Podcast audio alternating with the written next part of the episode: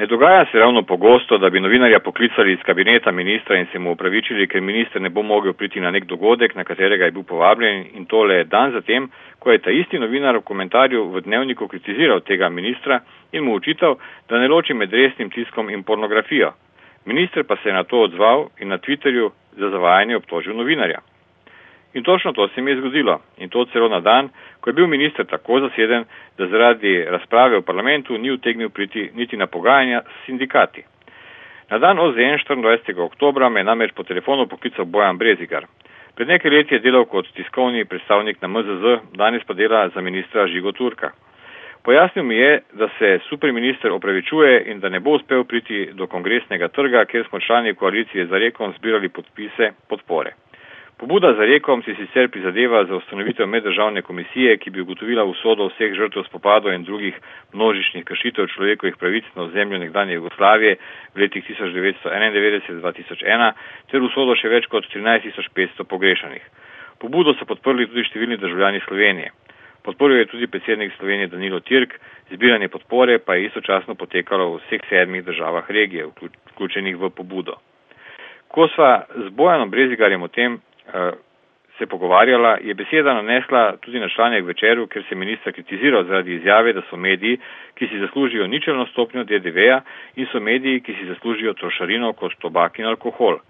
Sam sem v komentarju ocenil, da je to seveda res, vendar se od vlade pričakuje vsaj osnovnošolska spretnost spravljanja različnega blaga v pravilne davčne škatlice in da ima naša vlada s tem zelo hude težave, ker imamo superministra, celo doktorja znanosti, ki ne loči med tobakom, alkoholom, pornografijo in informativnimi mediji. Res ne vem, če teh razlik ne bi opazil na časopisnem kiosku, če bi mu prodajalka na mesto časnika v roko potisnila erotično revijo. Toda saj v vladi med temi izdelki očitno ne ločijo, se poskušajo tudi informativne medije obdavčiti enako kot pornografijo z že danes visokih 8,5 na 20 odstotkov davka. Sem v večeru zapisal, glede najnovejšega vladnega ukrepa, ki bo zagotovo zelo prizadel slovenske tiskane medije. Bojan Brezigar mi je pojasnil, da smo ministra novinari napačno razumeli in da je on sam v vladi borec za to, da se z mediji ne bi obdavčili. O tem, da smo novinari ministra napačno razumeli, z Bojanom Brezigarjem sicer nisva dosegla soglasja.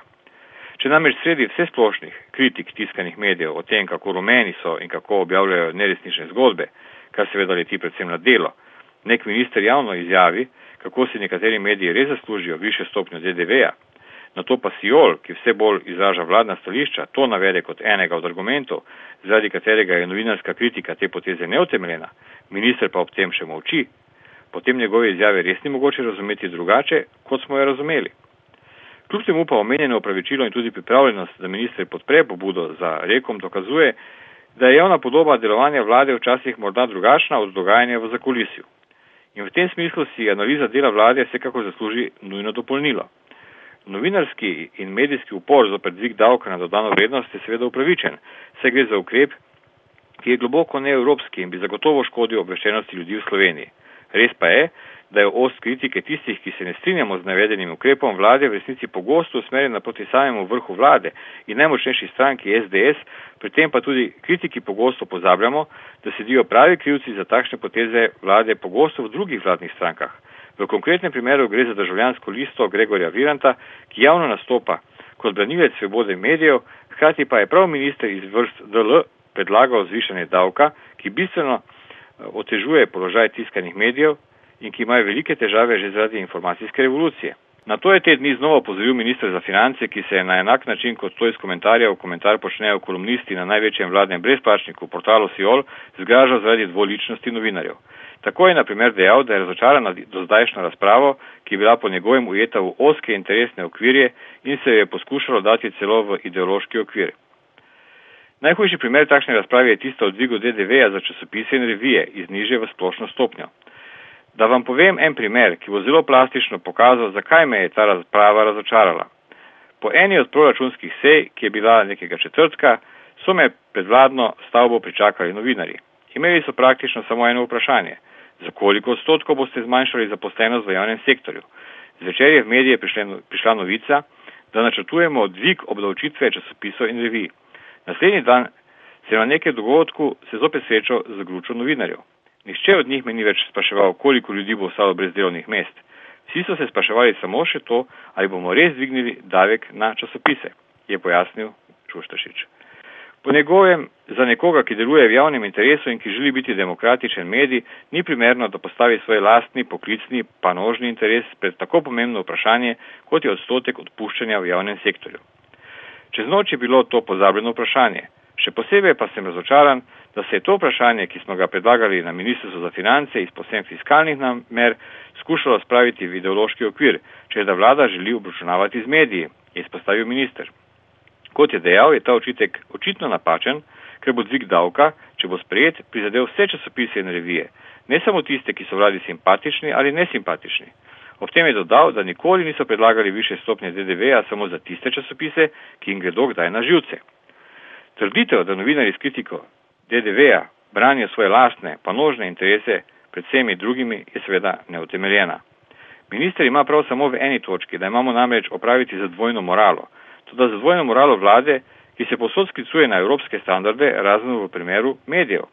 Časniki namreč v sodobnih družbah ustvarjajo med 85 in 95 odstotki vseh objavljenih informacij in novinarskih zgodb. Prav zato v vseh državah Evropske unije in drugih državah sveta medijem, predvsem tiskanim, posvečajo posebno skrb. Eden od najbolj učinkovitih ukrepov za pomoč tiskanim medijev je posebna stopnja davka na dodano vrednost. Zmanjšanje stopnjo DDV-ja za tisk, imajo Avstrija, Češka, Francija, Nemčija, Mačarska, Italija, Nizozemska, Poljska, Portugalska, Španija, Švedska, Švica in Turčija. Ničelno stopnjo DDV-ja pa Belgija, Danska, Finska, Koreja, Luksemburg, Mehika, Norveška in Velika Britanija. In seveda tudi ZDA, kamor je očel Šuštaši z obveznicami pod dolarje, ne da bi se vrnil s pomembnim spoznanjem o pomenu nikakršnih davkov za medije za ameriško demokracijo. Povedano preprosto, Dvig davka za tiskane medije je zgrešen ukrep, kritike ukrepa pa zato niso obramba panožnega interesa, pač pa evropskih rešitev in svobode medijev. Tudi trditev, da bi ukrep prizadel vse, ne pa samo medije, ki so vladi simpatični in nesimpatični, je pomilovanja vredna. Prvič zato, ker vlada s tem javno priznava, da deli medije na dve skupini, na svoje in na tiste druge. Drugič, ker je ministro argument preprosto neumen.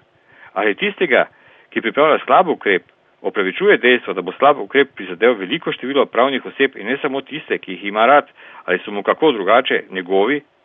To je enako, kako da bi za nekoga, ki je s priklopnikom pomendral vso kolono vozil, rekli, da je odličen in nepristranski voznik, ker je namreč s svojim vozilom v koloni uničil ne samo vozila sosedov, s katerimi se ne razume, pač pa tudi vozila tistih sosedov, ki jih ima rad in hodi z njimi na piknike.